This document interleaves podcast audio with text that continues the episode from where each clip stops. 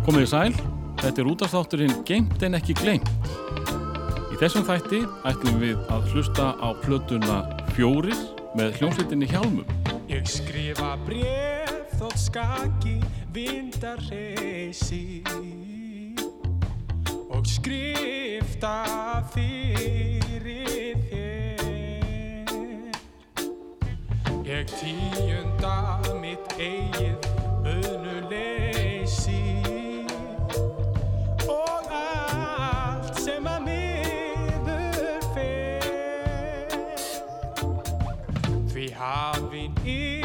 yfir hverstags leikan gráa.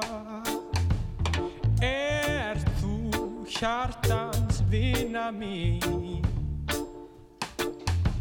Ég ljósið slekk og lán í fjarskan bláa. Leitar hugurinn til þín.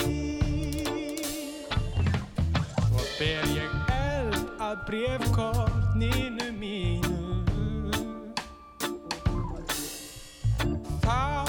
batnar vistin hér. Því fölu login fyllist brosið þínu sem að fyrir gefur mér. Og þannig brúar þessi litla skíma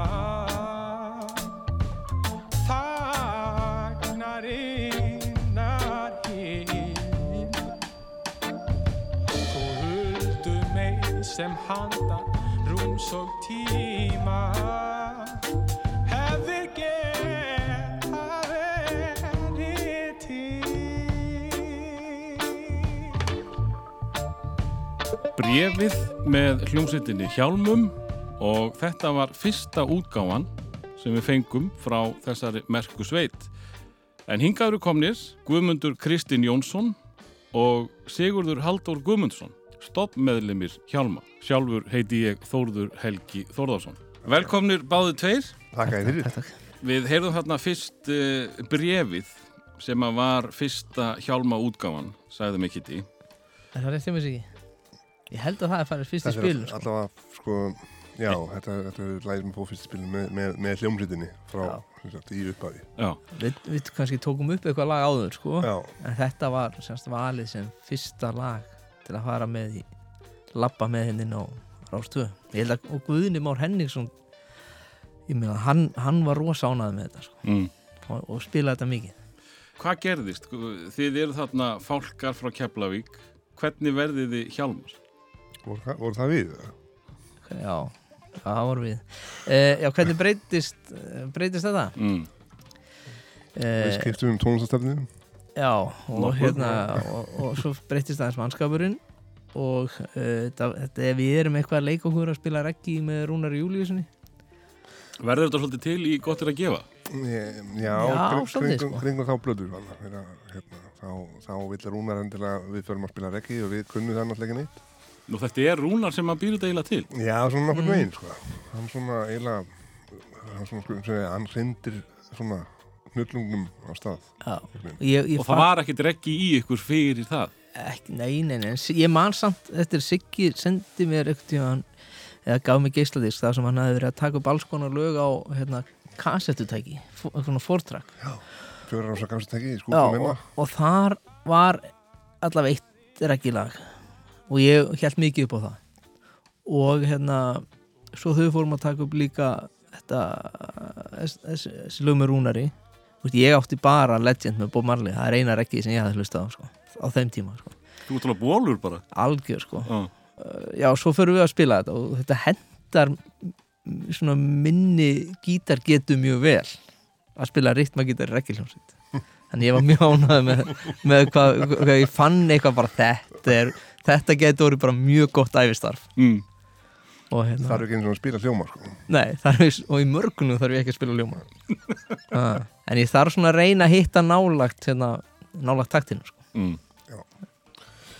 Þetta er hérna, já, þetta er svona þetta, þetta hófst svolítið þar- í kring sko. Kitty æfði sér mikið að aðlega herrendinni já, já, að halda reitmannum já, já, og hérna við kynntumst uh, Kristins Næ, trómara, sem var þá svona sjanghæjaður inn í þetta samstarf og, og vinur hans hann Steini að austan, fylgdi einhvern veginn með. Og, og voru þeir með í rúnaverkefninu? eða? Nei, nei, Nei, nei, nei, þeir komu inn í kvöldfarið síðan, þegar við ákvæðum svo við fyrir svona, svona líta hvora á annan og segja var kannski gaman að stopna bara svona reggilhjómsveit og þá uh, vantaði okkur náttúrulega vitalega trommara og, og, og svona bassarleikara líka eiginlega en Já. hann reyndar lett svona aðeins býti sér en, en Siggi spilaði bassan á allir í fyrstu plutunni sko. og þangað til bara rétt áður en að við lókuðum henni að þá var hérna þá var ég strókaður út þá var hann strókaður út og hann var tekið yfir bassan sig en ég var lengi vel mjög efins um, um þá ákvörðun sko. Já, ég líka en hérna það var samt gert einhvern, það var bara eitthvað feeling ég, ég, ætla, ég ætla að fara aðeins úr jakkanum sko.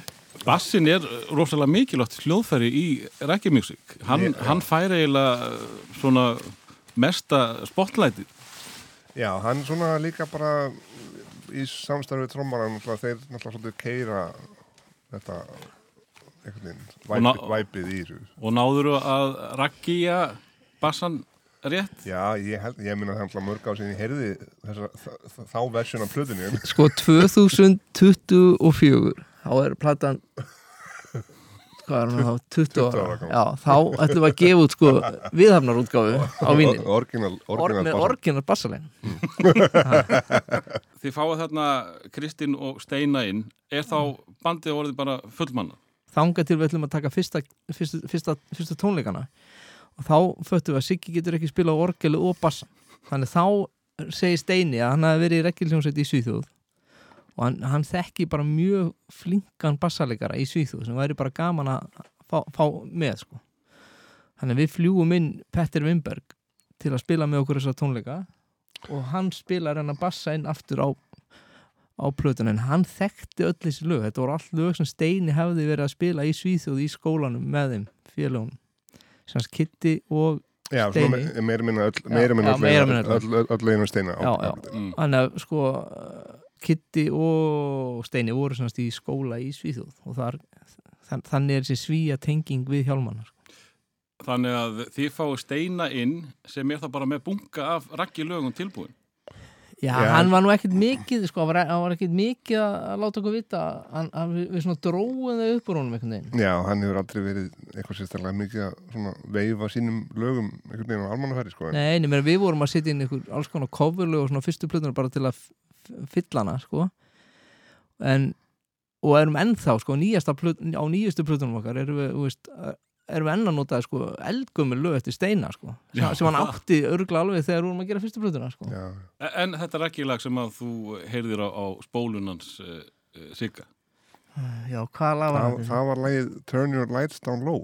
Nú, það er sem sagt ekki frum. Nei, það er, það er bara, það var ímyndilegt á þessu spúlu það voru ein 20-30 lög Já. eða sem búin að vera Það var mjög- líka, sko, líka Siggi var svo mikið að leika sem er varispít hann náði að hraða svo mikið á lögunum Já. hann kom mjög mörgum lögum á spólunum Siggi að röddinn hans var alltaf svona strumpuð sko. Já, þetta var sko, ég, átti, ég var svo rosalega lengi að taka sjálfan mig sátt sko, eða sándi í sjálfum mér sko.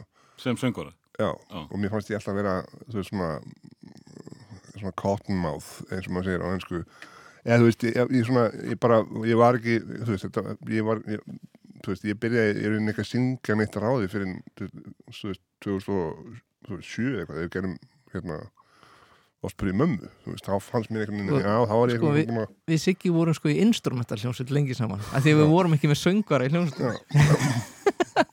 Að- Hjálmar, Já. nafnið, uh, einhver staðar heyrði ég að þetta ætti að vera einhver tenging við uh, hljóma sem er náttúrulega keflaði ykkur band. Æ, kjátaði. Það er kjátaði.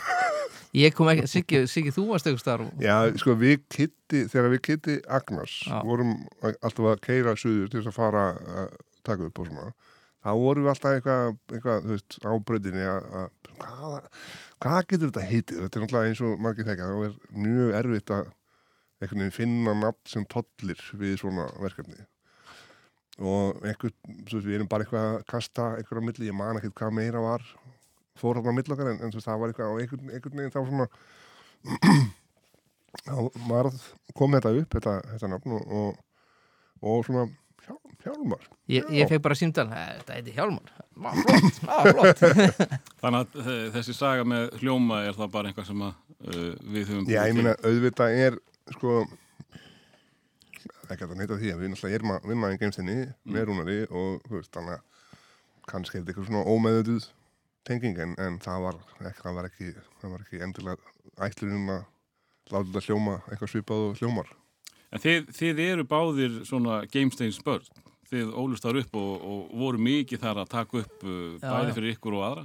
Já, við vorum hérna á hvað árum síðan, 2000 Mm, Svo flyttir þið af ringbröðinni, Já, hvað, 2000? já held ég, svona 2000 til 2007 cirka, þá, þá flyttum við síðan yfir í Hafnafjörði í, í hljóðurita Mm. og erum þar enn. Eh, viðtökurnar, eh, jú, eh, þið komið inn á það að Guðnum Ár hafi verið hrifin af bréfinu. Eh, Urðuðu strax eitthvað ætem? Já, það var, sko, það var einhvern veginn búin að myndast, sko, ég bjó til dæmis í bæ á þessum tíma. Á klappastík í húsinu nummer 17 sem brann og hefur nú verið endurbyggt eða þú veist, í annari myndin og það var svolítið mikið partí þar oft og svo var maður að leifa fólki að heyra svona einhverjum svona, einhverjum svona spýrum sem að voru að að rúlla í gegnum, partín og þetta myndaðist það var svona, svona kynnt aðeins undir sko bössinu, sko, við vorum ekki búin að gefa neitt út við vorum ekki byrjað að spila neitt. En þú veist, það var, var einhvern myndast eitthvað quiz um þetta þetta nýja band sem var hérna, kom og keflaðik og eitthvað svona og enginn einhverlega vissi neitt um þetta annað en bara, þú veist það, það sem ég bullaði í fólkinu og svona. En það olli svolítið því að þú veist, þegar að við lóksins náðum að henda í fyrsta gig sem var nú ekki alveg almennilega mannað gig þannig, sko. Já, Þú manst nú hvernig það var, Kitty? já, ég man ekki hvernig fyrst að kíka Nei, fyrst ekki, þá var hérna, þá voru við náttúrulega ekki komni með, sko, sænska, sænska bassleika. Var hann ekki komin? Nei, hann var ekki komið með fyrst, sko. Heldur var, sko, eiginlega fyrsti bassleikari hjálma, svona á ofnbjörnum vettvangi, var Pétur Sigursson okkur. Já, já, já, já. Og svo, hann endist nú ekki nema eitt ég. Og, og, og fór svo eitthvað að snúa sér öðru.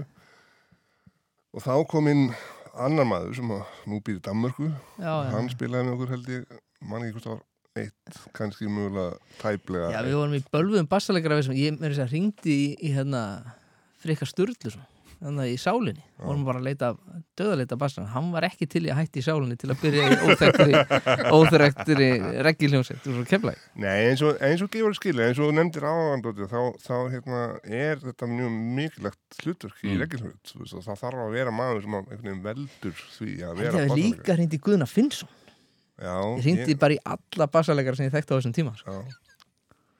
En ég það var, þetta, þetta, menn sá ekki alveg hvað, í hvað stemdi einhvern veginn. Og hérna og sá ekki alveg, veist legend potentialið í bandinu Eh, sko, þið voru svona, er það ekki eilítið húsband á Grand Rock? Eh, Var það ekki svolítið ykkar heimaöld? Jú, Mm. það ástæðan var svo að ég var að vinna sem hljóð- sem hljóðmaður. Hérna, þannig að það var einhvern veginn svona mjög svona eðlileg eðlilegt uppaf einhvern veginn að við bara svona tók, tók, við tókum okkur svona bólfestu þar og með þess að orgelið uh, okkar, það var það var bara einn á grandrokk, Mm. það var bara svona út í hotni og þangar til næst.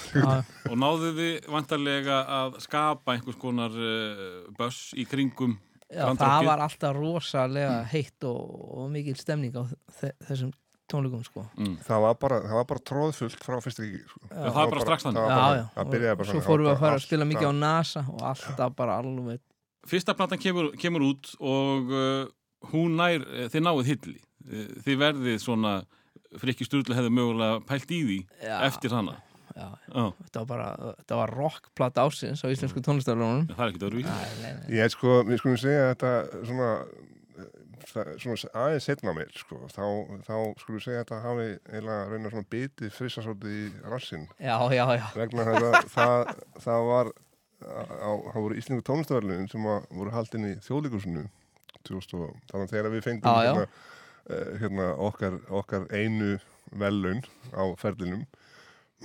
Bjartasta vonin.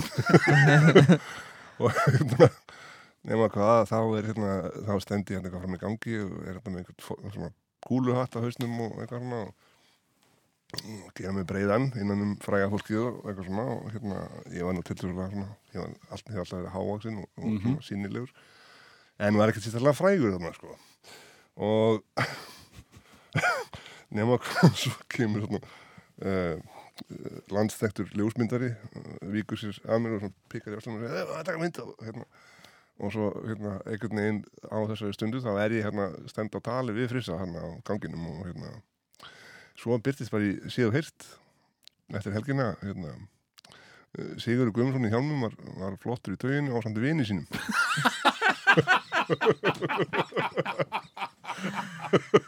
Þetta hefur verið mikill skellu fyrir ákveðna aðila. Já, síðan hefur frissið alltaf verið vini minn sko. bara alltaf blessaður vini minn Já, svo, svo náttúrulega kemur að plötu 2 og þá er mjög mikilvægt að vera með eitthvað gott efni, Mm. er með hittara. Vera með hittara. Og það hefnaðist í okkur. Við, hérna, við vorum með Ég vil fá mig kærust á plötu 2 og hún kom bara mjög fljótlega út eftir plötu 1 einhvern veginn. Já, bara ára eftir, þannig að það svona það var hugur í mönnum sko. já, plata nummer 2 hún hjálpaði mjög vel í að kasta svo ennþá lengra sko. Var ekki einhver uh, svíja fjölgun í bandinu á þessum tíma? Jú, þarna hættir Kitty Trómari, Kristins Snær og þá hérna segir Steini að hann nefnilega, sko, eða við vorum að leiðin til Rússlands að spila sko. og það var einhvern veginn bara stittara að fá bara einhverja fleiri frá Svíþjóð á leiðinni sko. þannig að við komum við í Svíþjóð æfðum upp vini Steina sem að hérna, þeir eru tveir sko Nissi og þá og Petter en svo áttu þeir vin sem að vildi mikið skilja út undan þannig að við bættum við auka hljómbóðsleikara sem heitir Mikael Svensson þannig að þá var orðið jaft sko Það var þrjú þrjú. þrjú- þrjú, þrjú. Já, þrjú, þrjú, Já, já. Já. og það var mjög skemmtilegt tímabil í hljómsveitinni þá við svona spiluðum svolítið erlendis og vorum bara svona það var, það var bara mjög gaman sko. spiluðum mikið sko. og við vorum hérna hljómsveitin var þá reikin á fjölskyldu vísakortinu mínu og hérna það var mikið verið að kaupa flugmið á alls konar vesen sko. reyna að halda fjölskyldu kortinu opnu og og þetta var allt í rugli sko. en það var líka, við vorum svo við vorum svo, við vildum ekkit vera rukkinn á giggin það kostaði bara alltaf 500 kall og þetta skipti engum máli sko. og, feng, og svo fengu alltaf allir jafn mikið borgað, saman hvort það væru við í hljómsveitinni eða bara einhver sem að hjálpa okkur eitthvað aðeins Mm. Fengu alltaf allir jafn mikið. En einhvað sem svíjum er það ekki uh, hafa gert uh, merkilega hluti? Svona ekki gera um, nei, nei, jú, þeir eru bara að standa eru- mjög vel. Þetta eru stórmækkinni menn sko. er ekki Mike Snow eitthvað af þessu? Jú, jú, Jú. þeir, jú. og Mikke var uh, lengi með Lucky Lee. Já, túraði með henni bara í mörg ár.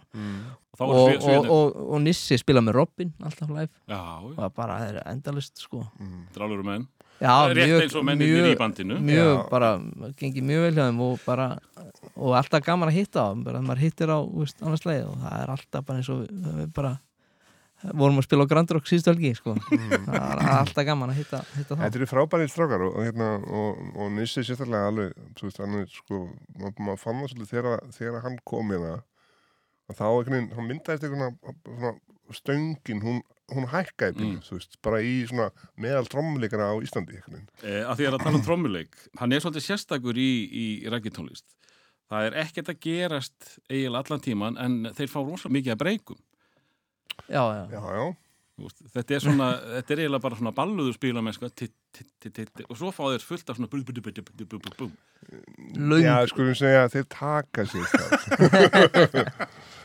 Ég er búin að klippa þau bara mjög mörg út, sko. Já, já, svona segi bara, segi verið bara alveg heðalegur, sko. Áður við förum til Jamaica þá langar mig að heyra kannski bara fyrsta lagið og það heitir í draumi. Mér fannst svo skemmtilega öðruvísi söngmelodían í þessu lagi. Það svona það var það sem að ég tók eftir fyrst. Eh, hvað get ég sagt mér um uh, þennan eh, draum?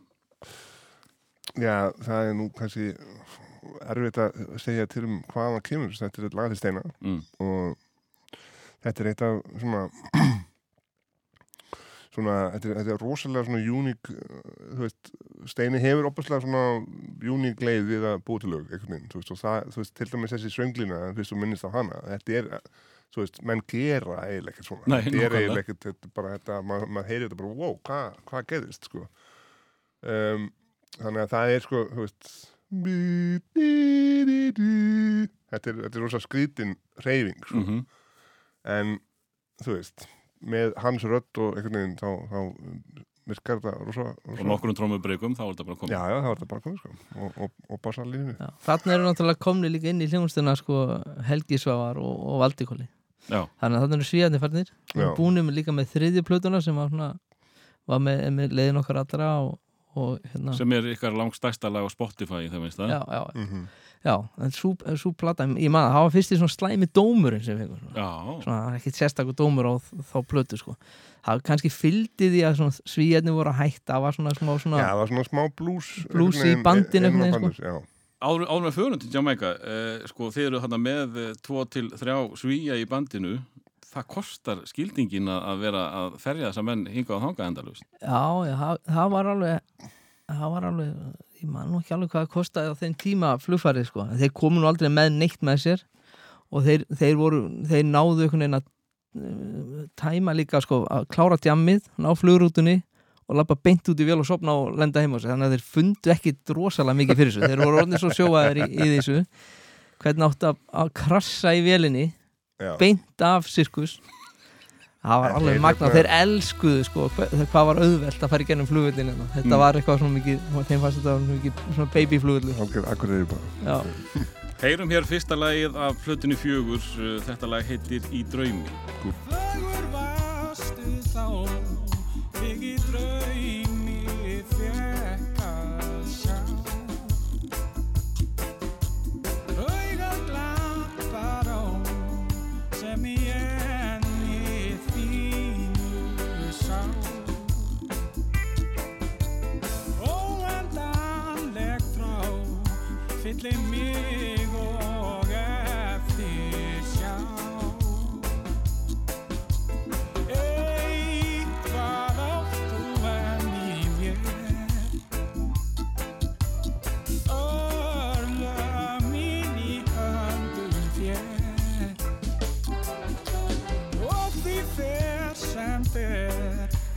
Enginn virðist gá að sér.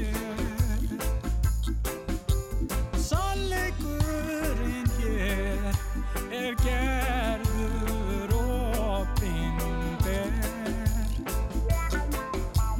veruleikin er það sem fyrir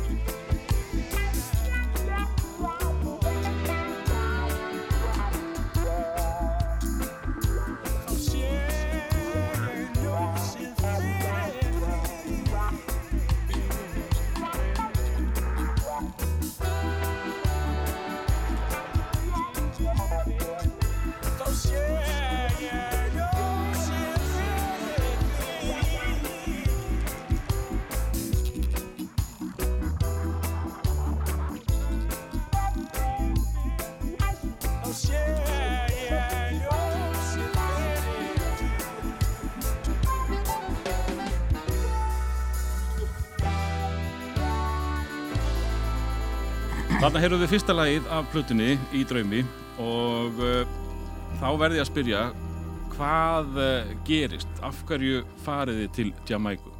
Þetta er vantarlega draumur allra reggilistamanna að uh, allan að heimsækja, hvað þá að taka þann upp? Já, já Helgi Svavar sem var það náður trómari Mm.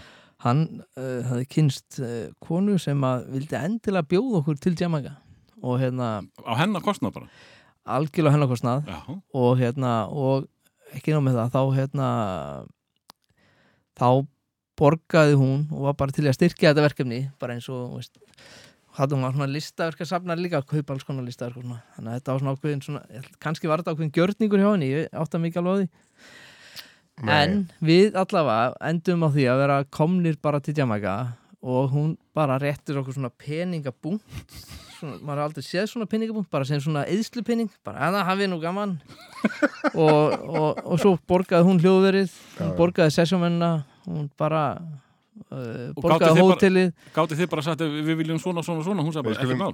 hún við skulum, bara- halda því hérna, til haga sko, ég fekk ekki peningabúti sko. Nei, nei, nei Ég, ég, ég fekk ekki Nei, nei, nei, ég fekk ekki heldur ekki Ég sá, ég sá þegar hún rétti Helga sáður peningabúnt Já. Og svo hérna var bara svo, svona blúsandi fílingur og hún líka uh, flutt eða, na, hann, hann bjó nú ekki hann Kat Kor sem svona, svona, svona, svona pródusser á plötunni. Hann tekur á móti ykkur alltaf. Já, hann er algjör Já, þegar, þegar þú ert á röltinu um Kingston með honum Mm. þá ertu í lagi þú veist, Þú getur farið í skuggan hvernig já þá ertu bara cool sko. Já. Þannig að hann tekur á mót okkur og hann fer með okkur og við fórum hann heim til þar sem Bob Marley átti heima og veist, fer með okkur hann við það sko. Mér langar aðeins að staldra við þennan Core uh, því að ég sá myndina uh, Hærra ég og þú, Higher uh, You and I, eða ekki, á, YouTube. Og mér fannst vera bullandi gorgir í þessum manni. Og það fyrsta sem ég sá og þá var ekkert að útskýra hvaða maður þetta var. Nei, nei, en ég var fan þegar ég var krakki af hljómsveitans Third World. Já, einmitt. Ma- heyra hérna smá brot af einu af lögum þeirra. En þeir urðu svo frægir að ná held ég tveimur, jafnvel þremur lögum á íslenska saflötur Já, það er, það er risa áfangi þá ertu, þá ertu mjög stór. Sko. A lonely soul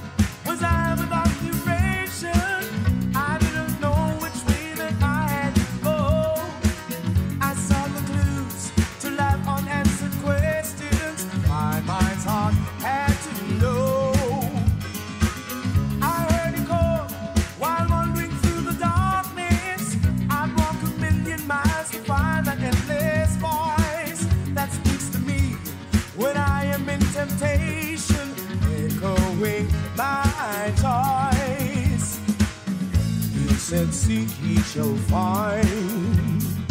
I've been with you through all times. In the thirsting, I will quench you with my love. And if you hunger, I will feed you with my word. And all I ask of you is that you love as I do. Þetta er sem sé hljómsveitin Third World og uh, þetta, þessi maður, uh, Cat Core, uh, tók á móti ykkur og stjórnaði hann hljóðurinn eða? Já, stjórnaði svona upptökunum en við vorum með upptökustjóra sko, með okkur uh, eða, sem var bara í, í stúdíónum en hann var svona okkar tengilegur hann hann sá um að uh, fá uh, síðan auka sessjónleikara eins og Mm. auk, við vorum með auka keyboardleikara og stræfisleikara mhm. Sticky Já, hann var svona, svona segja, hann var svona, hann var svona, eh, svona, redda, hann var svona kontakturinn okkar við, þú veist, og við þurftum, okkur langaði, sko, pointið með að fara út var það, við vorum í rauninni búin að taka upp plöðuna og hann fórum út, sko, Nú, og minna, sko. Já. hún var nánast tilbúin eða? Já, þú Það er svona vorum búin sko. að taka upp grunnuna og, og hérna, þannig að við vildum bara vera búinir að vinna okkur í hæginn, þannig að, þú veist, hvað sem gerðist úti, af því við vissum, við náttúrulega vissum ekkert út í hvað við vorum að fara, þú veist, en uh, okkur langaði til að ná í, sko, lokal soundið, sko, Mm. fá smá Jamaica inn í okkar heim, og það endaði með því að við tókum þú veist, tvö, þrjú lög bara upp aftur frá grunni svo náttúrulega var mikið að, að hinnu var í rauninni bara, þú veist, svona og er bara á, á það sem við vorum búin að gera Og- það sem við fórum með út sko. okkur fannst kannski verið sk- skrítið að vera að eyða miklum tíma á Jamaica að vera að gera eitthvað sem við getum alveg gert heima Mm. þannig að við vorum meira svona að bara, veist, þetta að fá þennan sláversmannin og þetta bara þeirra samt hér og svo, svo su- tókum við eitthvað nýlu líka alveg frá grunni svo tókum við líka upp lög sem að við ákveðum síðan að nota ekki Jamaica útgáðunar Já, það, heldur Já. en já, eins og það er til dæmis eins og Lísi Ljós það tókum við upp á Jamaica en það var ekki notað ekki svo útgáfa sko. mm. og svo náttúrulega vildu við helst ekkert vera að vinna mikið sko. maður komið til Jamaica að vera bara í feeling það var svona líka, þetta var líka upplifun við þurftum líka að hafa tíma til þess að þú veist, fara og skoða okkur um í bæ og, Mm. og smakka allan matinn og þú veist, sem var Já. reynda alveg nótabæn alveg geggjaði sko. það var rosalega gaman að borða Og þið tókuð uppi það ekki í þessu hljóðveri eða einu af þessum hljóðverum sem að meistari Marley eh, tók upp já, tveimur Já, já, tveimur já, eiginlega, já. við tókum upp í Tough Gong sem að er með þess að það Það frækt að ég man eftir að ég þekki er hann- það er hann- stúdíu hans sko. hann, hann byggði það og svo, það, já, svo tókum við líka upp í ekki Harry J Harry J, já, Já, Sem það er, það er svona meira orgin eða þú veist, það, þar var eldra dót áður en að töfkong og til, þá var meira þá Mm. tók hann upp það sko. já, svona þegar hann var yngri sko. Já, og svo Þar er var það líka fyndið að koma þangað inn það er svolítið svipa væp þar inni eins og bara í hljóður sko. og svona, einhvern veginn, sama sama yfirbræða 70 svona, stúdíu Tough Gong var orðið svolítið svona túrista já, stúdíu sko. Þannig að það var alltaf svona, svona stífar aðeins þar sko. mikið meira hungsurum þar. já, já, en hérna hitt stúdíu var aðeins meira svona það var aðeins meira næs svona að- að- að vera þar Mm. meira þið já, Já. mann er leið, man er leið meira velkomin þar en, en í, í hinnu stúdíónu sko. En það var sko, það var alltaf áhugavert að sko líka, fylgjandi að vera með katt þarna á vappinu að, hérna, það er eitthvað svona element sem að, mér skilst að Bob hafi svolítið verið sko orsakavaldur af og það er, þú veist, ef að katt er lappandi um gönduna, þá fær hann ekki frið fyrir fólki sem að já, er að beða um pening sko. Já, og það er bara eðlegt, það Mm. er bara hérna, að því smá pening Ha- hann var endalust að gefa liðinu pening sko. já, hann var það, að gefa pening. endalaust, það var bara 20 dólarar hér og eitthvað svona, þú veist, það er bara að því að fólk veit að hann á pening þá er bara eðlert að hann deili með þeim sínum peningum Já, þú þetta var ekkert að pyrra hann, nei, nei, Nei, þetta- var bara mjög aðlega sko. og þetta, einhvern veginn, mér skildist á að, að Bob hafi komið þess, þess, þessari svona lensku á að hérna, þetta er svona, svona svolítið svona kommunist hérna, einhvern veginn svona á, á svona personum level sko. Já, að ef að þú átt engan pening þú veist, þá gengur bara upp á þeim sem á pening og segir, þetta er til að gefa mér svona pening. Annað lagið heiti Lítill fugg hafið eitthvað um uh, það að segja Það, ég, það sem ég skrifaði er uh, skemmtilegu hljómagangur og Steini fyrir sérstaklega á kostum í þessu lagi. Já, þetta lag held ég ég sé ekki að ljúa er líka á hérna fuglursplutunni Mm. ég held að það sé kannski Já. einkennislag þeirra plutu þetta er líka, einmitt, þetta er eitt af þessum svona eldgömlu steinalögum sem að við erum, þetta er fjóruða platan okkar og það var ekki hægt að nota þetta á neittn af hinni plötunum Nú, veist, þetta, voruð þið búin að, búin að heyra þetta? já, við vorum núglega búin að heyra þetta en, en það þurfti svolítið að svona steini við ekki að hérna, gefa þessu sens í, í reggi, reggibúninu? En Var svo- hann á svo- bremsunni? Já, þú veist, nei, að, ég veit ekki hann náttúrulega kannski bara þetta endilega í okkur sko, en, en svo er líka má ekki gleyma því að veist, við erum náttúrulega í byrjun þá erum við kannski ekkit endilega neitt ógslag góðir sko, þannig sko ef að ég skilda rétt, þá eru svona s- lög- sum lög eru, eru bara, þú veist, þau eru kannski bara aðeins meira torf fyrir band sem er ekki orðið nógu gott Ég skilði, ég skilði að kannski var bara ekki tímabært fyrir Já. okkur að spila þetta lag fyrir en þarna. Steini, steini við fatta. Er ekki að fara ráða þetta alveg strax. Hann er ekki búin að læra S já, hljóminn. S-hljómin Já, það er svolítið fyndið þegar, þegar Steini var að kenna okkur brefið fyrst, sko. Já, þá var hann alltaf búin að búa svo lengi í Svíþjóð. Að hann hérna, veist, hann er hérna eitthvað, það er eitthvað D-mól og G-mól og svo C og svo S. Og ég bara, Steini, hvað hva, hva meinur S? Æ, hérna, e- S, hérna, hérna, það var það S, eins og við segjum á Íslandi, en, en hérna, að því hann var eh, með sænskum segjum, þá var þetta S. Þetta er Lítill fugg Út við flóa Býður föngum búið skip Og ég fæ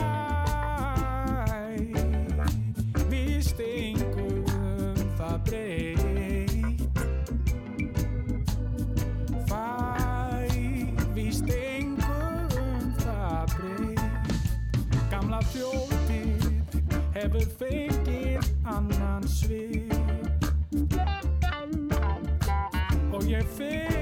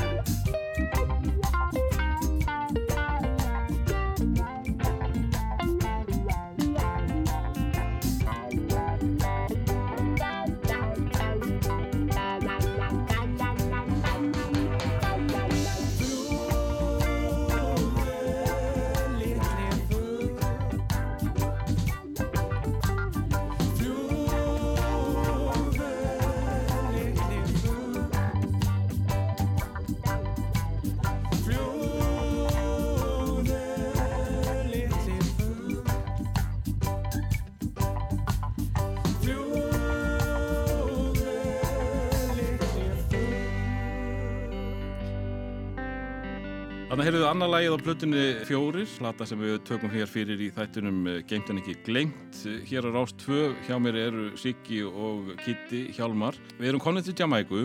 Ég tók eftir því að þarna vex júrtin jafnvel vilt bara fyrir utan hljóður.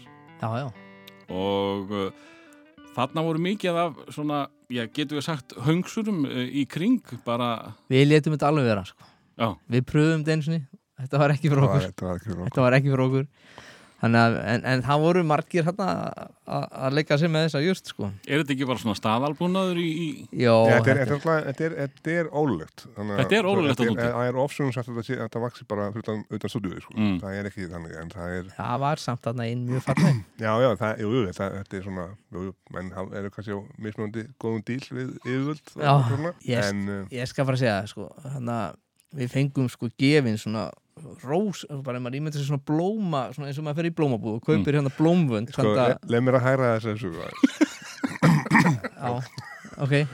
Eh, Þetta var, já, stærðin á Þú, var- þú varst komin á undan okkur Já, jú. Svo þegar ég mæti, við komum í annari flugvil eða þegar ég byrtist þarna þá er, þá er sennilega Helgi búin að hagraða þessu einhvern veginn. Að þegar ég lósins kem út uh, úr bílnum á flugvilinum þá réttir frúin mér svona fimm svona, ég veit hvað á ég að segja svona 40-50 cm langa svona vöndla innpakka í svona svart plast og svona rétti mér hérna, já, blessaðu sig ekki, velkomin til Jamaica. Þetta er bara í alvegni, þetta er bara eins og er svona bara blómvöndur sem kaupir handa, á konudaginn. Þetta var gjöfin til, til Sigga þegar að við mættum fimm, sko, fimm stykki og, og hérna Þetta er náttúrulega, ég, ég, maður gaf þetta bara svona fólkinu nákvæmum og Mm. þetta er ekkert fyrir mig Nei, nei, nei. upptökumadurinn í Töfgóng og ég sá aldrei augun í hún sko. það voru svo sokkin og farin hann var alveg svað, en hann stóð aldrei upp hann var með aðstofamenn sem, sem hlupu fyrir hann Já, en þú veist, að reyna að ná sambandi við hann hann var alveg farin sko. en hann náði geggjuðu sandi já er það ekki? alveg geggjuðu sandi sko.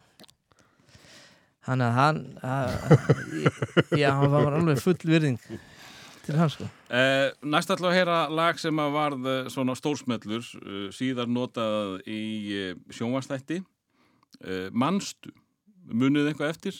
þetta er tekið upp hérna heima bara. Er þetta, er þetta alveg hreint íslenskt eða? já, þetta er bara búið til fyrir hennar sjónvastátt Já, já, og það er eiginlega ástæðan fyrir að, að formið á lægin er eins og það er sko. það var, við, við vorum bara með þetta loka senuna í, í þessum veist, við sáum bara "Já, og hérna þarf lægi að vera búið veist. þannig að formið er bara einhvern veginn mjög skrítið á læginu það er bara til að fitta hann inn í hennan sjónvastátt sko. mm. uh, það var ekki mikil trú á þessu lægi hjá kvikmyndagjara fólkinu ekki nei, það var búið að ímynda sér eitthvað allt annað en þá þurftum maður bara svona herru, vittu til, þetta bara er mjög gott lag og voru þú bara að trú á þetta með okkur. Leiðu mér bara að hafa vita á músikinni sjá, sjá þú bara um myndina. Það er svona það var eiginlega svolítið þannig sko. Þarna, þarna finnst mér nefnilega að koma svo stert inn eh, ég veit ekki hvort þessi húmor eða, eða bara þegar að votta virðingu bebop eða hvað. Bakrættirnar eru bakrættirnar er það sem að ég syng þegar ég er að syngja með lægin já, já, Þa, það er Sigurður sem á þetta. já. Hva, hvað, úst, Sigur, þetta er svo mikla bakrættir Hva, setjum hver, auka, auka punkt á sigga já. hvað erum við að pæla það? ég, sko það er þú veist og það- skrítin orð og, og svona já, já. skemmtileg Ég, ég hef mjög lengi haft mjög gaman að gera svona skrýtnar bakættir mm. og, svona ábyrrandi bakrættir já, já, Já. og geri, geri fle, svona me megni af bakgrátunum sem við steinu vorum aðalega í þessu svona báðir svona fyrstu, fyrst, á fyrstu blutinni aðalega Já. og svona svo svona, sung, sunguður svona meiri svona kóra, það var þetta meira svona kommunu fílingur á annar blutinni um, það var nú ekki mikið að bakgrátum á þriðju. á þriðju, ekki að þú veist ekki Ah, það var svona, kórar eitthvað, þú veist en svo fór ég bara að gera svolítið mikið bara af, þú veist, bara þú veist, ég fór bara að byrja að geta sjálfur, þú veist, ef ég geti það sé að, þú veist geti þetta á rekk og ég gerði eitthvað svona, þú veist, bara, er það flott? Og svo bara, já, þetta er flott, og ok hlöðum hún á þetta og svo einhvern veginn, þú veist, við náttúrulega okkur finnst- finnst gaman að gera svona svolítið flip, flippa dóttir líka og hérna, þannig að mér finnst þú að gaman að gera svona, svona krúsitúlu bakættir með, með smá svona humorísku ívafi mm. Er þetta mikið til bara þú eða? þetta er, þetta er bara ég sko. Er- Ert þú alla bakrættir í mannstu? Já. Já. Þú ert aðskapilega fallugu kór, Sigurður. Já, það gæði fyrir, ég hef heyrt þetta ég sem eitt besti kór á Íslandi Var þetta hérna uh, strax smellur eða fylgdi þetta bara með uh, sjónvastáttunum? Þetta var strax bara ég held að bara strax virka mjög vel Þetta- án sjónvastáttar Ég held að þetta hafi sko, valdið vinsældum sjónvarsáttar Ekki sko. Heyrum hér uh, mannstu. Manstu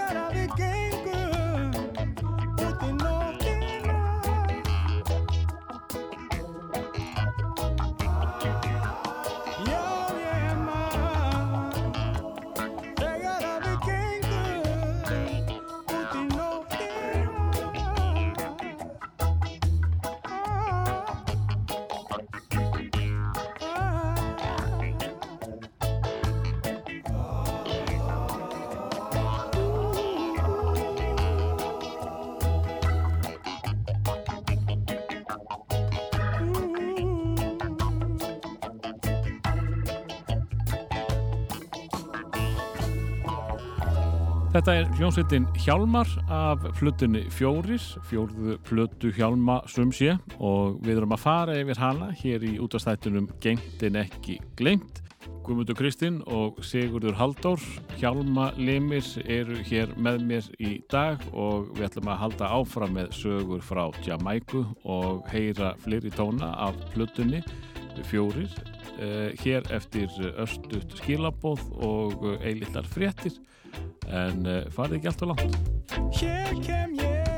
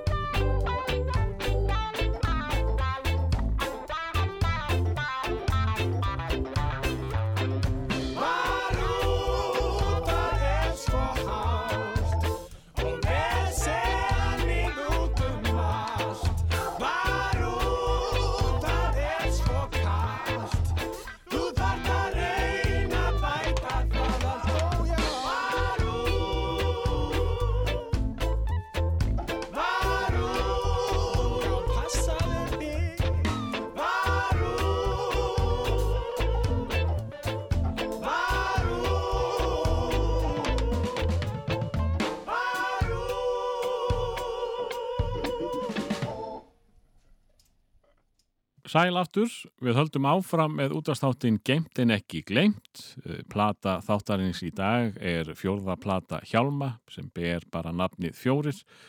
Uh, hjá mér eru þeir Sigurður Halldór og Guðmundur Kristinn, uh, Hjálmadrengis.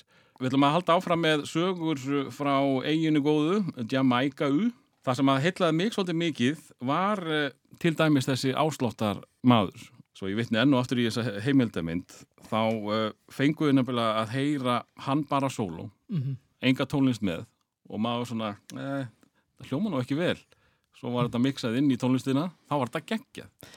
Já, þarna bara breytti sín mín á tamburunleik til dæmis Já. og bara svona slagverki almennt uh, því að hérna heima týðkast oft bara maður bara búin til lag og svo bara, herru, farð þú að hristinn tamburun og þá bara hristinn tamburun eða eitthvað svona þetta var bara, þetta var þarna einmitt hækkaðist ráin líka aðeins sko. Já, þetta var, þetta var, þetta var ákveðin svona kú, kúvending bara í að ég, ég var ekki búin að fatta að það væri hægt að gera þetta við þessar hluti sem að þessi gæi, hann, hann kom inn með svona rosalega langa jónu í gættinum Mm og lappa inn svona tvær íþrótasús bara, bless mætti þarna, blessu sér minning hans hann er dáin Hann er dáin. og Það var hérna, náttúrulega hansi gammal hann að Já, já, hann var hann alveg með gullstel alveg bara. Jú, jú, hann var mjög þetta var bara svona.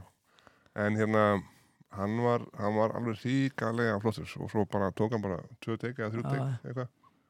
Annars, pay more annars pay more. En, en sko, þú, þú, þú sér nafnið hans á mjög mörgum ég, hann er hann allstar ég var nokkuð vissum að hann var ekki þetta í fyrsta skipti. Nei, Nei, nei. hann er alveg En það var rosalega að sjá bara þegar hann var með tamburina, hann, bara, að, hann, var svo, hann, var svo, hann var svo hann var mikið músikant, sko, Mm. hann var svo mikið að hann hann vildi ekki gera mikið veist, hann vildi ekki vera, veist, sulla yfir allt, heldur bara svona að bara, þegar hann held að tamburinni, ég hef aldrei séð þetta hann held henni bara svona lóður eftir og, og svo bara og svo var bara í puttunum Já, það var ekkert verið að- það var ekkert verið að það var engin selfoss, sko. Hvað, hérna, hvað tók hann uh, langan tími að uh, læra lögin og, og ákveða hvað hann ætlaði að gera? Hann bara- hann bara lærði ekkert lögin hann bara gerði þetta ég er ekkert vissum hann að hlusta á lögin áður en hann byrjaði að taka upp sko. ég ekki. ja, en við vorum, við bara kjálkin fór bara niður hjá við, ég hef bara aldrei séð svona ég Nákvæmlega. það, var, var bara, þú veist, lægi var komið, það var allt tilbúið, ja, þannig, þú veist, en svo bara, svo kom þetta inn og það bara, fúf, og bara svona, eins og heyrið þetta bara í, þú veist, hérna, hvert sem við fettilum við, þú veist, það geggjað, hérna, slagveist trakk þar. Og, og fullt af uh, svona hljóðfærum sem að ég hef aldrei séð áður eins og þetta stóra rör með vantarlega hrískrónum minni. Ég Já, veist já, ekki já, hvað það er hægt að gera. Bara svona regn, regn, a rain stick. Mjög, Hérna, mjög flott. Annar maður sem að mér fannst mjög uh, spennandi, það var uh, þessi væpmeistari. Hann er, hann, hann var Það er bara einn flottasti karlmaður sem ég séð á æfinni. já, Það var ekki hægt að koma meira blingi á þennan mann sama hvað maður reyndi. Nei, hann smíðaði, hann smíðaði allt maður sjálfur, sko. Hann var sem sagt uh, skreittur uh, frá távar. toppið til táar, alveg gjössanlega og allir puttar, það sást ekki það sást alltaf í hendunar á hann fyrir, fyrir Nei. alveg skrauti sko. Og svo voru keðjarnar alveg bara nýra á hnið já, hann bjó held ég heima hjá Francesku, Já, frú, fr- frúnni okkar, frún okkar sko. Já, já. bjó í einhvers staðar og, og hún var eitthvað að supporta hann einhvern veginn matrónunni. hún bara, hérna er þessi gaur allar að hanga með ykkur hann, þessi kemur með góðan fíling Hans hlutverk var þá að vera með góðan fíling það var bara verið góðan fíling Og, og, og, og mikil óhljóð, það var, var mikil með eitthvað svona munn, það var alltaf með eitthvað svona munn já, hljóð. brrr, eitthvað svona, gerir eitthvað svona smelli með munninum og eitthvað, eitthvað rosa. bara, bara einhvern veginn Svo átti hann sér sko, draum um að verða stjarnar sko, mm, og kallaði sér náttúrulega Ninja Star Ninja Star Já. Aha. og hérna ég veit ekki hvað hann hitt í alveg hann, hann hét Ninja- Star bara í alvörunni sko. Var hann að gefa ykkur góða væpa? Þessi væpmaster? já, já, var- stundum var hann líka alveg grafkýr alveg bara, ég man stundum hann sat hann einhvers staðar í hóttinu og var alltaf með svona krosslaðar hendur sko. Og svo bara kannski bara marga klugtíma alveg grafkýr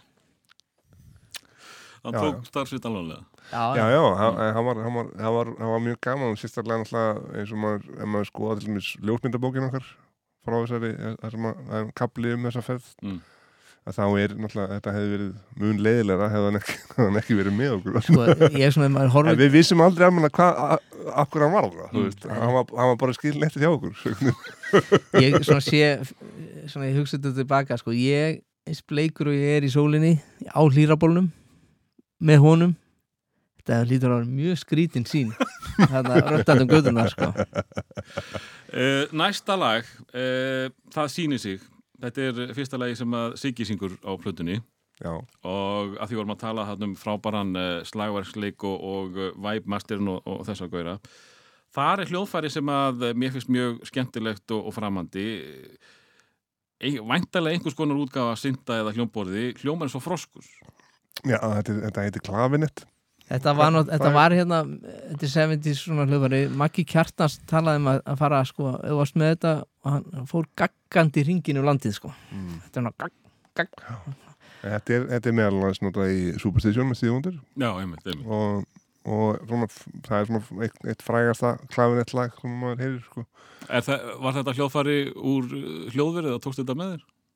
Um, Þetta er bara tekið upp hérna heima. Þetta er sennilega bara, já, sennilega tekið upp heima. Við, Ég man ekki til þess að þetta hefur verið til út Sko ég hafði aldrei heyrt um þetta hljóðfæri.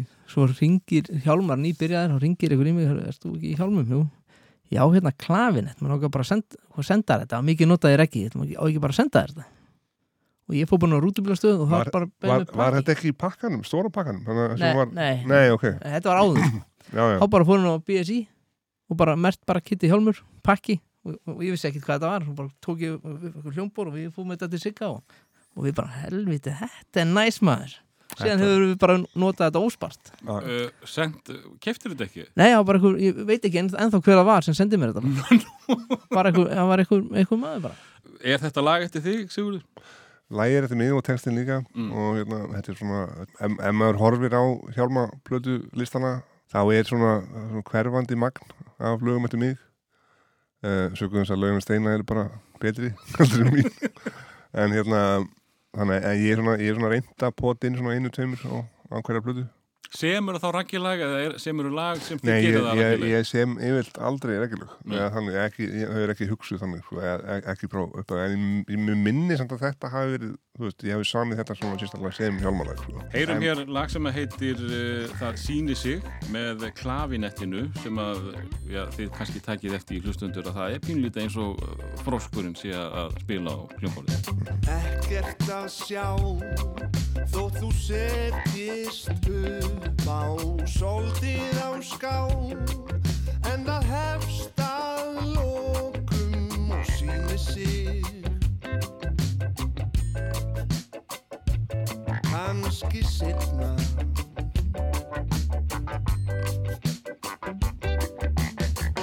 veist ekki hvað En þú situr áfram á sama stað. Það að það síni sig Hugsanlega nú.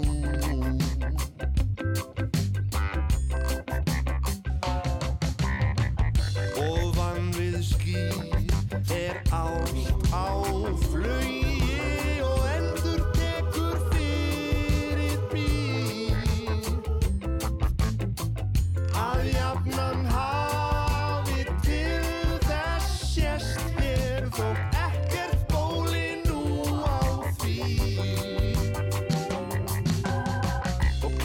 er svo enn að þú sitjir styrtur því svon eru menn.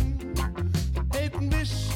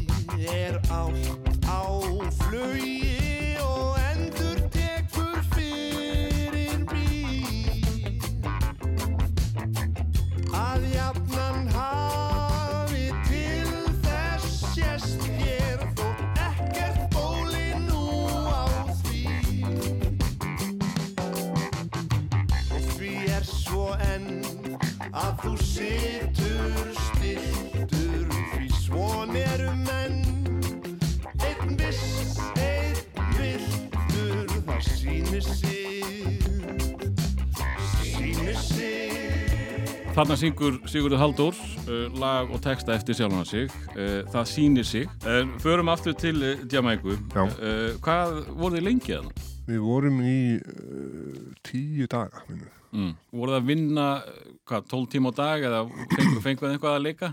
Já, já, við, við, við hérna, það er náttúrulega, þú veist, þetta er sko, það var náttúrulega rosalega heitt, Mm. Þannig að, þú veist, það... Bleikneiðarnir voru, uh, þetta var erfitt fyrir Já, þetta var mjög erfitt og ég, sko, ég er svona þeim vannkvöntum búin að ég er daldinn svona, þetta leggst daldið illa í mig, svona, svona pöttu bít og svona daldari. Ég verð oft svona, og það er, það er við að sækja rosa mikið í öklan á mér, af því að, ég veit ekki, kannski bara mikið blóð þar Já. á ferðinni og hérna, en ég fekk sem sagt einhver svona pöttu bít, Mm. bara strax fyrstu nótuna þegar ég var hana og það orsakaði það að ég bóluna allur upp á öklanum og á- var svona daldið svona illt um gangi svona þrjá og fjóra daga sko og hérna þetta skeiður annars lægið sko sérstaklega ef maður, ef ég fettir svona land sem ég hef ekki komið til að það er svona eitthvað svona exotist eitthvað Mm. land þá næli ég mér oft í eitthvað svona slæm bit sérstaklega á ökluna og, og það er til dæmis ein mynd af mér þar, sem ég ligg í svona stórum svona ringglugga í Harry J. stúdíunu og uh, eðlilega fyrir þá sem þekka mig þá er, er þetta, ég myndi sér að ég sé bara alveg döðið að drikkinu og, og hérna, alveg út úr heiminum hann en það, það, það er rétt að þetta termin og segja að það, það er, er sögum þess að ég gati eða staði í lampinnar og þurfti, það var svona betra svona, svona reka svona upp, upp á móti sólunni sko. Þannig að þetta, ég var svona að kvíla mig sko. Ég maður þetta var akkurat þegar við vorum að taka upp um mitt brassið þegar ekki Jó, þetta var einmitt þá Næsta lag, það, það er eiginlega ekkert reggilag Já, þetta, það við, átt, við gerðum reggi útgafa af því úti sko mm. eh, hún er líka bara mjög fín sko en, en okkur fannst þetta lag þurfa að vera svona aðeins Þetta er svolítið dark já, en okkur fannst þessi útgafa svona eitthvað leiti svona brjóta og plötuna og, og við vorum alveg ánæði með, Já. Með þessa Ég, versjón ég sko. man ekki eins og hvernig hinn versun var Ég það var meira, meira stuð sko mm. Já. Kat Kór, sko, hann spurði ekkit endilega um, um hvað fjalla lægið, sko. Þannig að textinn fannst mér þarna, og, og textinn og lægið fannst mér ekki alveg svona stemningin í læginu passaði ekki alveg textan á Jamaica versjónu. Sko. Nei. Það er eitt sem ég tek eftir í þessu lagi. Lagið er kannski ekki beint uh, pjúra reggilag, en uh, við fáum að uh, heyra þá þarna með kannski betri eirum uh, reggi bassan. Þarna er hann bara að spila reggi bassa þó að lagi sé ekki drosalega reggilegt. mm -hmm. Og þarna er kannski tilvæli fyrir uh, óvænt uh, reggi eira að heyra magnaðan bassaleik uh, eins og hann heyrist venjulega í reggilugum. Hann kannski er ekki fremstur en það er mikið að gerast hjá bassaleikunum venjulega. Já, já Við vorum mjög heppnir að fá valdakóla inn með okkur hana, á þessum tíma þegar að, þegar að svíjarnir fara. Já, og þá, og þá báða bara Það Það báða, sérstaklega. við, við fækkuðum aftur neyri fimm Mm. úr sex fannst þið bara að vera alveg fullfærir á þeim tímapunkti að, að, hérna, að vera bara við fimm einhvern veginn al íslenskir einhvern veginn og, og bleik nefjaðir eins og alveg út í gegn. Einu sinni tók ég upp, ég verða að skjóta inn í sögu Einu sinni tók ég upp reggiband í geimstinni kom ykkur hérna, örgulega eitthvað reggiband sem Freyr Eyjólfsson flutt inn á þegar hann var tengdur Grand Rock. Hann, já, ég held að eitthvað. En allavega, það var svo skemmtilegt, ég var að vinna með þeim í tvo daga. Og vorum að taka upp á teip og hann var svo, þeir voru alltaf svo stressaðir ég myndi alltaf íta á stopp á teipinu alveg leið og lægi var búið. Ég skildi aldrei, það voru svona hann sló loka hljóminn og hann leifði honum alla feit út og hann bæði mig um að íta á stopp á teipinu svo fattaði þetta í lokin sko, þegar hann ætlaði að gera upp fyrir mig sko, þá var hann hérna búin að vera tvo daga í vinnu og hann spurði mig hvað ég tek á tíman og það var svona eitthvað, ég manni hvað var þá þetta var, hvort þetta hefði verið 5 skall eða eitthvað með stúdíónu og hvað var búin að taka upp mikið við erum búin að taka upp svona hálf tíma á teipið. Og, og skuldaði 25 Heyrum hér lag nummer 5 e, Lísi Ljós. Allt sem er mér kært Hefur þú mér fært Þú sem þekkir alla vegi Og lýsir ljósið skært. Ég vil til þín ná Ég þrái þig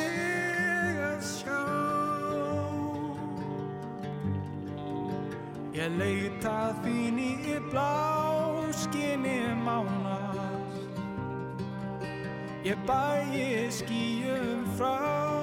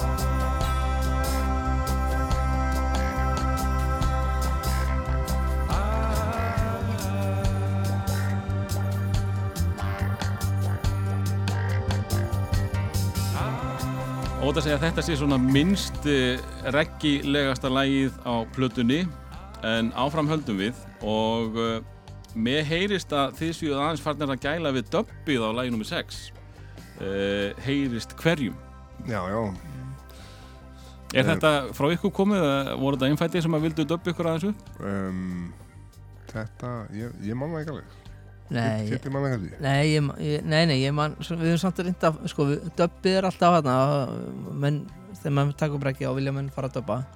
En við höfum svona reynda að fara í sparlega með og við getum, sko, Mm. af því að það er svo auðveld leið til að gera hlutina svona reggilega, sko. Mhm. þannig er til mér mjög skrítin ákvörun svona eftir á að við höfum verið að bæta inn einhverju svona coverlagi Já, inn á plötu. Að það, þegar að kannski við erum með tvo mjög, mjög fína lagahöfunda í hljómsveitinni sko. En ég veit ekki, við vorum bara einhvern fíling hana fíling Já, þetta ég, lag ég eitthvað. man ekki alveg út af hverju þetta lag kom hann inn sko, en, en hérna það hefur sjálfsagt kannski verið eitthvað einhver, einhver, einhver áhrif frá eiginni þarna sem við fórum Hver á orginal? mali Þetta er marlílag. já, já. Þið takið sérstaklega eftir döbbunu þegar að líður á lægið og uh, það er svona, byrjar það ekki aðalega í bakröðunum, þær fá mikla döbbun og síðan fær Já. þú kannski uh, þinn skerf líka. já, já, já, já, mynd Þú ert náttúrulega bakröðunar, þannig að já, já, heyrum hér uh, heyrist hverjum. Veröldin er varasöm Víða leynist brotalöm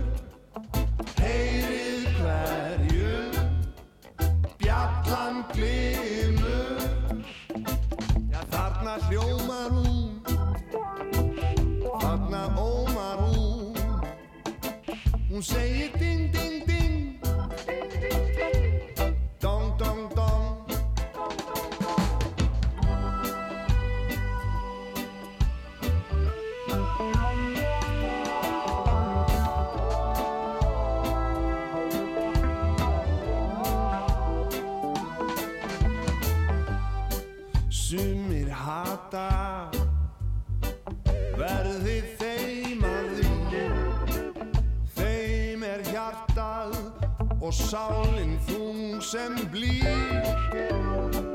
En elska þá sem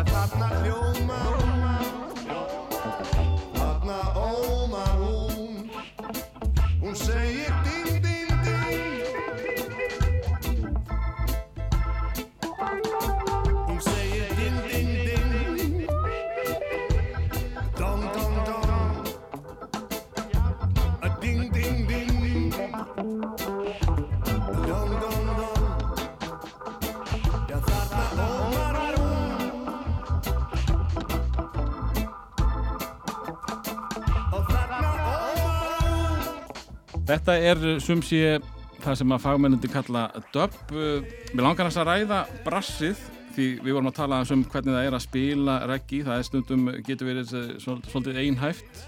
Brassi fær oftast svona melodíunar, fær svona besta partin fyrir utan allan söngvaran já, og það er afskaplega fínt brass á þessari plötu. Já það, er- við vorum hérna þarna var svolítið skemmtilegt, þannig sáum við fyrst skipti að það vorum, vorum með tvo trompetleikara í hljóðurinu Mm. og það var því að þeir, þeir þreytast sko. Mhm. og hérna þeir vorum svona, þeir voru skipt inn á. Ég hef aldrei séð þetta áður. Þannig að það var alltaf feskur ferskur trompetleikari, hann var bara æra aðeins þreyttur skipting. Og hérna, það var skemmtilegt áhugavert að sjá, við hefum aldrei gert það hérna heima en uh, já, já, brassi var bara aðeinslegt og var rosa gaman að fá þá, þá að inn og þetta var svona annað sound þetta voru svona mitt uh, Þetta er Jamaica Bros Mm. sko. Þetta, er ekki, þetta er ekki brosið okkar hérna á Íslandi svo. Nei, einmitt og, og, og ég tók eftir því í myndinni að uh, þar var sagt eitt svona brastjóri Já. síndist mér Já. og hann var að hlusta í headphone-unum og eitthvað, ja, þetta er svona du, du, du, og var að tala við annan brassara Já, og það var bara komið Já. var þetta feika fyrir myndina eða eru þið með þetta svakalega eira Þeir gerðu þetta, það var engan útur sko. Nei, Það nei. var, Þetta var bara en úst, hann, hann valla söng hvað hann átt að spila þetta er svona du, du, du, du, du, du, já, Mhm. komið já, ég held að þetta þeir hafa ekki búið að undirbúa að skrifa út neitt Nei, áður en mættu þeir bara hlusta á læði og svo bara samdi þeir sömdu þetta bara á, brassið á staðnum bara sko. sem að yfirleitt er ekki gert sko. nei, það er rót að segja þetta sér fagmenn já, þeir, þeir voru alveg frábæri sko. Við, við, meðan vorum við bara eitthvað í bortinni svo eitthvað. Ha, Ég lá hann í klukkanum já, já, Eh, Þetta er svona eh, eitt af svona brasslegri lögum eh, plötunar, eh, hvert sem ég fer. Eitthvað sem þið viljið segja mér um þetta lag? Þetta er alveg geggjaður fílingur í þessu lagi Mm. Þetta lag hefur enda bara síðan svona syndið bara í, sem svona eitt af uppklapslögunum okkar svona, lo- svona fyrir alltaf í lokin á sko, Mér finnst þetta svo, fullkomið sound á þessu lagi bæði með brassið og, og stikki gerir stórgóðslega hluti með, með slagverki hérna Mm. þetta tóku við alveg út eða ekki Nægilega. Þetta er hreint Jamaica já, ég, Já, ég held Ég held, Ég held það líka, sko. alveg. En hérna, já, það er, það er eitthvað svona það er eitthvað svona eitthvað, eitthvað væp í þessu upptöku sem er alveg rosa flott sko. Hlustið eftir góðu væpi, frábæru eh, slagverki og uh, þetta brass er virkilega hressand. Takk fyrir það.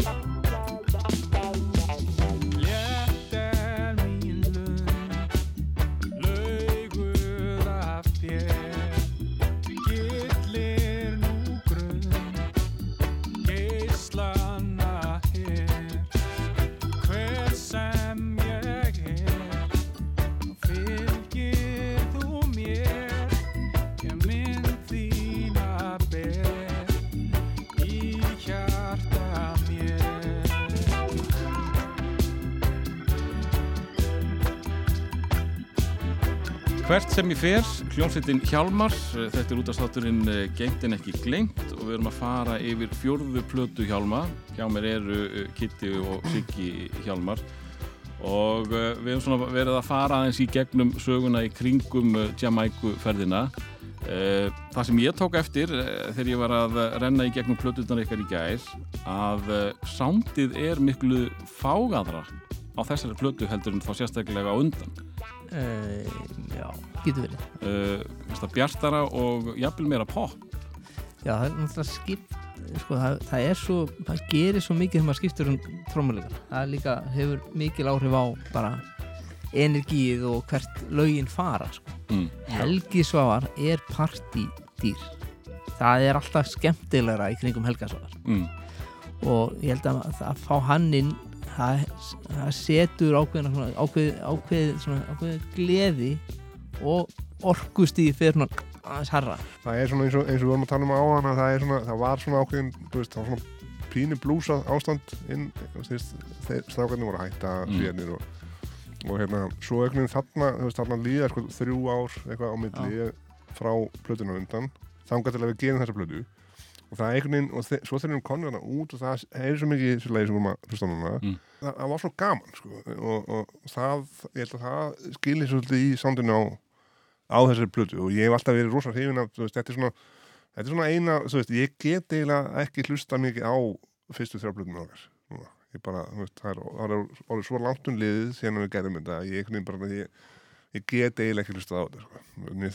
Ef eitthvað sittur þetta á fóninu bara, ég er svona ég vil helst bara vera annars staðar sko. Það er veginn, ég er svona það er, þetta er, ég veit ekki hvað þetta er en, en svona, ég get hlusta á þessa plötu Vissu þið að þið væru með söluvöru í höndunum uh, þegar þið voruð að gera hana uh, eða kannski bara þegar, þegar, þegar hún var tilbúin? þessa plötu Já, Nei, maður veit aldrei neitt sko Nei, nei, en náttúrulega, við náttúrulega erum sko, þú veist, á þessum tíma þegar við erum að gera þessa blödu, þá náttúrulega erum við orðin svona daldið, hvað heitir, establiseraðir í, í, sem sagt, í landslæginu hérna á Íslandi, við erum, við erum, við erum konum með nafn og þú veist, fólk er farið að, þú veist, býð eftir næsta já, svona pínu, það voru hérna, eins og segi, það voru liðin hérna þrjú eða fjúra ár frá því við gerum hérna, ferðarsótt sem er þriðablöðan og það náttúrulega er þessi stóri smellur, leiðin okkur allra. En var leiðin okkur allar einhvern tíman útvarp? Ég man ekki eftir að það einhvern tíman í einhver sérstakka útvarpspilun sko. Er þetta bara Gunnar Nelson? Mm, Já, Já. ekki þá, það var, það var ekki byrjað en það, þú veist, það lag var alltaf rosa, rosa, þú veist, fólk alveg, þú veist, söng hástuðu með Já, þetta, var, þetta virkaði alltaf það- rosalega vel á Já, já. tónleikum sko. Hvernig, hvernig framkvæmið þetta á tónleikum? Náið að kóra þetta nú vel til þess að? Nei, nei, Fólkið sé bara það Já, já, fólk, fólk sé bara það. Uh, ég var aðeins talað um bakrættirnar uh, hjá þér sérstaklega Sigurður Mm. og uh, þarna eru þið líka með innfættar bakrættur og uh, ég man alltaf eftir sögunni uh, frá nýdönskum uh, þegar þeir voru að reyna að kenna uh, horfa til hímins og allt Mhm. þetta. Uh, ég rendi ekki um plötuna og ég tók ekkert eftir því að það væri endilega ekki íslendingar að syngja þessa bakrættir já, mhm. og síðan sá ég myndina þar sem að þær voru í miklum erfinleikum með að segja fljúðu og eitthvað. Já, en ég náði, úst, á þess að hafa síð þennan part af myndinni, þá náði ég að horfa- hlusta á plötuna og ekkert taka eftir einhverjum skrítnum uh, útsendingum af íslenskum orðum. nei, einmitt Uh, getið þið sagt mér eitthvað um þessar stúlkur sem að þarna sungu? Ég eiginlega veit ekkert um þær Nú, Nei. Nei, það er bara einhvern veginn, það var eitthvað sem að hóa þær og það er komu og það er fóru og við eiginlega, þú veist, það var það fór svona tími, ég var náttúrulega ég að reyna að þjálfa little, little fuck og allt það, það þurfti sinns vegar ekkert að þjálfa þær í að ná réttu tónun Nei, nei, Nei, var þetta er, það er bara tværið það ekki. Jú, Jú, þetta var bara, þetta var mest megnis svona eitthvað sjalalala og eitthvað svona, þú veist, sem að var svona tildurlega einfalt en svona litli, litli fuglin svona, það var, það var svona strempið fyrir þær að ná fljúðu litli fugg fljú, fljúguðu, Litli fugg little fuck þannig að það var, það var svona það var svona daldið, daldið, daldið áskorun en, en það var svona líka ég minni nú að við höfum svona þú veist, við tókum upp tölvöld meira en enda á plöðunni Mm. ég man það, ég man það ekki alveg, það var allavega mér finnst eins og svona hafi verið eitt lag Það- svona það endað einhvern veginn Já, það eru á- líka mikið í taktu þessar trommu sko. Já, Já, það er, það er svona og, Já, það var reynda, það var svo mikið á bakgröndum í því að við, ég og Siggi held ég að við klift sko, var meira heldur en já, við meira, já, já, við kliftum í burtu held ég bara eitthvað Já. 50% eða eitthvað. En það, það er, er útsettið þetta meira minna sjálfur það, og það allt saman bara Já, þetta er ekki þú. Nei, ég var, ég var hann í glugganum held ég. Þetta, það þetta er náttúrulega... Við leifðum þeim, leifðum því fólki sem Já, var ég- að vinna fyrir okkur að bara gera það sem hann gerir. Já, það, ég veist, það, Við vorum, þá já, við, fáum við eitthvað annað. Já, við vorum ekkert, að, við vorum ekkert mikið að vansast í að stýra, stýra þeim eitthvað. Við bara, veist, við lögum okkar tröst bara Meina, á og ef þetta, ef þetta hefði verið umlegt þá hefur við bara ekki notað skilðið, skilðið. Eh, við ætlum um þetta að heyra sjalalala-lagið og þetta er örgulega eitt merkilegasta bakrætalag Íslands sögunar. Það eru svo rosalega áberandi. Já, og fær maður til að taka ansi margar bakrættir út í já, svo var líka í þessu lagi sem er svolítið skemmtileg svona kaplaskil í okkar í okkur sigga allavega í, í svona upptökudótinu og það er við höfum við vorum, vorum ekki mikið fyrir synthesizera mjög lengi sko. og hérna en þarna vorum við búin að kaupa okkar fyrsta synthesizer og Siggi rambað inn á hérna preset sem heitir eitthvað, eitthvað hvað er þetta, svona laserbissa eitthvað svona. Já, já, já, já, einmitt. Og það, það var svo gaman í stúdíónu að nota laserbissuna að hún er alveg vaðandi hann í þessu leið sko. Og þarna er líka okkar maður á, á slagverkinu í banastuðu með shake-dolluna. já, já. Hvað, hvað heitir það þannig Ég hef bara heist þetta hjá Messoforti og, og, og síðan hjá ykkur. Já, þetta heitir, ég manni hvort það heitir eitthvað gúika eða eitthvað, minni það, þetta er Já, þetta er svona vír í ykkur dollu eða ekki? Við kallum þetta bara apatrömmu Abatrómmu. Það er svona Við höfum notað þetta nokkuð svona, þetta er mjög skemmtileg sa, hljóð sami á. Mundið þið segja að þetta væri ykkar stærsti smellur? Þetta var þetta nú ekki alveg eitthvað Þetta var kannski eitthvað útvarp. Ég, ég Það man ekki neitt. ég man Já, já. ég man ekki. Það Já, það getur verið sko. Þetta, Þetta er svo trömmu Já, Uh, hér er sem sagt taktu þessa trommu. Uh, get ég sagt mér eitthvað meira um þetta lag? Hvaða trommu á ég að taka? Ég bjóst við alltaf stó, stóru trómuna Alltaf að taka stóru trómuna Þetta er sem sé uh, taktu þessa trommu.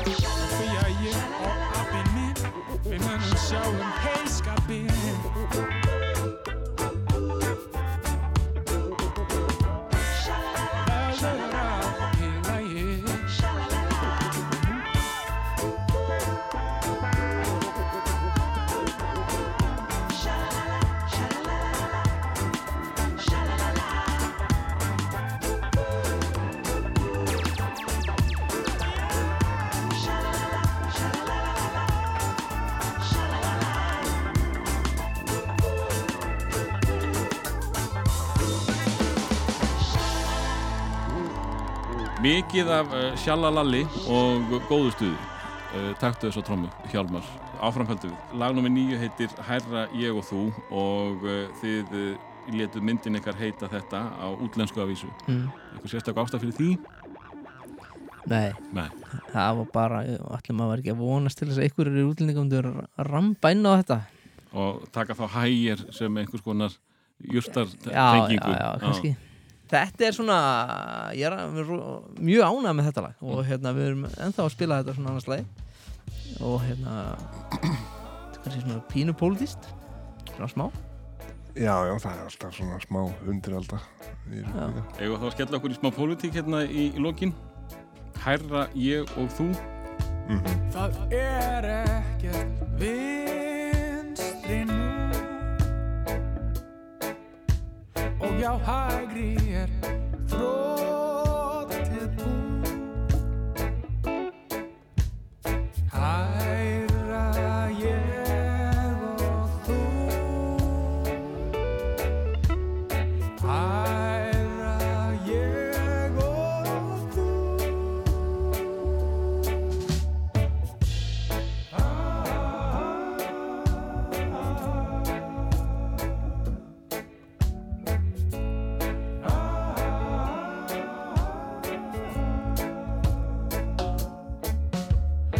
Ef þú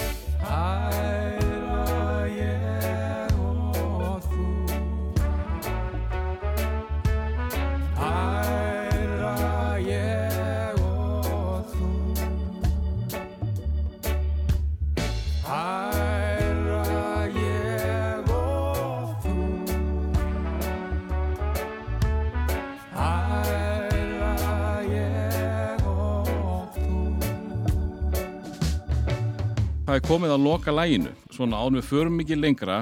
Er einhvað úr ferðalæginu sem að þið hafi glemt og uh, viljið þið segja okkur núna? Ég vil ekki heyra geggjaða sögur þegar ég er búin að uh, seifa og, og þið er á leiðinni heim. Sko, já, við getum, við getum náttúrulega sagt, sko, við vorum hann að, við við, með það eins upp, sko, við vorum hann að fyrstu, við vannum ekki alveg hvað voru lengi, þetta splittaði svona í tvent. Mm. Fyrir hlutan af ferðinni vorum við í Kingston að taka upp í hljóðverum. Mm. Svo tók ég með einhvern lítinn upptökubúnað og við fengum að gista í villunni hennar, Fransesku. Hún sem sagt býr þarna. Er, Já, hún býr ekki, en hún á hann nokkur hús. Já, ok. Þetta Við- var alveg við- koma. Og ná svona tanga Já, Já, við enga strönd og, og við sem sagt Þetta er mjög, mjög dekadent dæmi sko við, við vorum hana og það var fólk að elda fyrir okkur og þetta var bara alveg fekk að, maður fekk að pröfa þetta í Þetta er- nokkra daga. Þetta er svolítið önnur dild en maður er á að vinnast hún kom og heimsótt okkur aðeins kom á þyrlunni lagði, bara lendi hérna og kom og spjallaði hans okkur og fór aftur á þyrlunni. Þetta er góð vinkuna Dorritar sko. Já, já, já, svo deilt Já. Þetta er umdeilt og all, allavega þetta var mjög gaman og við vorum hann bara í fíling og hérna, og þetta var svona var þetta voru þessi eitt tvö hús sem við vorum með og svo vorum við með þessa strönd og tvö jetski, bar á ströndinni. Nuttkonu og bara vorum hann í fíling og þarna ætluðum við semst að klára að taka upp plötuna. En Gerum ekki raskat gerðum ekki neitt. Gerðum ekki neitt. Sko, við reyndum einu sinni og þá heyrði svo mikið í einhvern næturdýrum að við sem, að þetta er ekkert að viska. En við vorum duglegir á jetskíunum mm. Þetta og það var svo gaman þegar Gaurin leta okkur fá alvöru líkil þegar jetski gætt farið hratt. Já. fyrst vorum við svona að tjekka á okkur leta okkur fá þennan líkil og við svona, mm, fórum svona smá. Svo svona, að ok, þið með fá alvöru líkilin þá gáttum við farið í alvöru sko. Loka lagið Þá mun vorið vaksa Nú ætla þið að segja mér aðeins uh, frá því þetta lag Um. kemur þessari plötu í rauninni ekkert við sko. mm. þetta lag var gert fyrir plötuna á undan.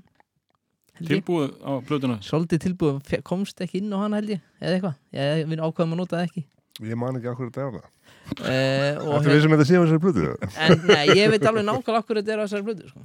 við vorum bara með, með prinsip allar hjálmar plötur eru með tíu lögum mm.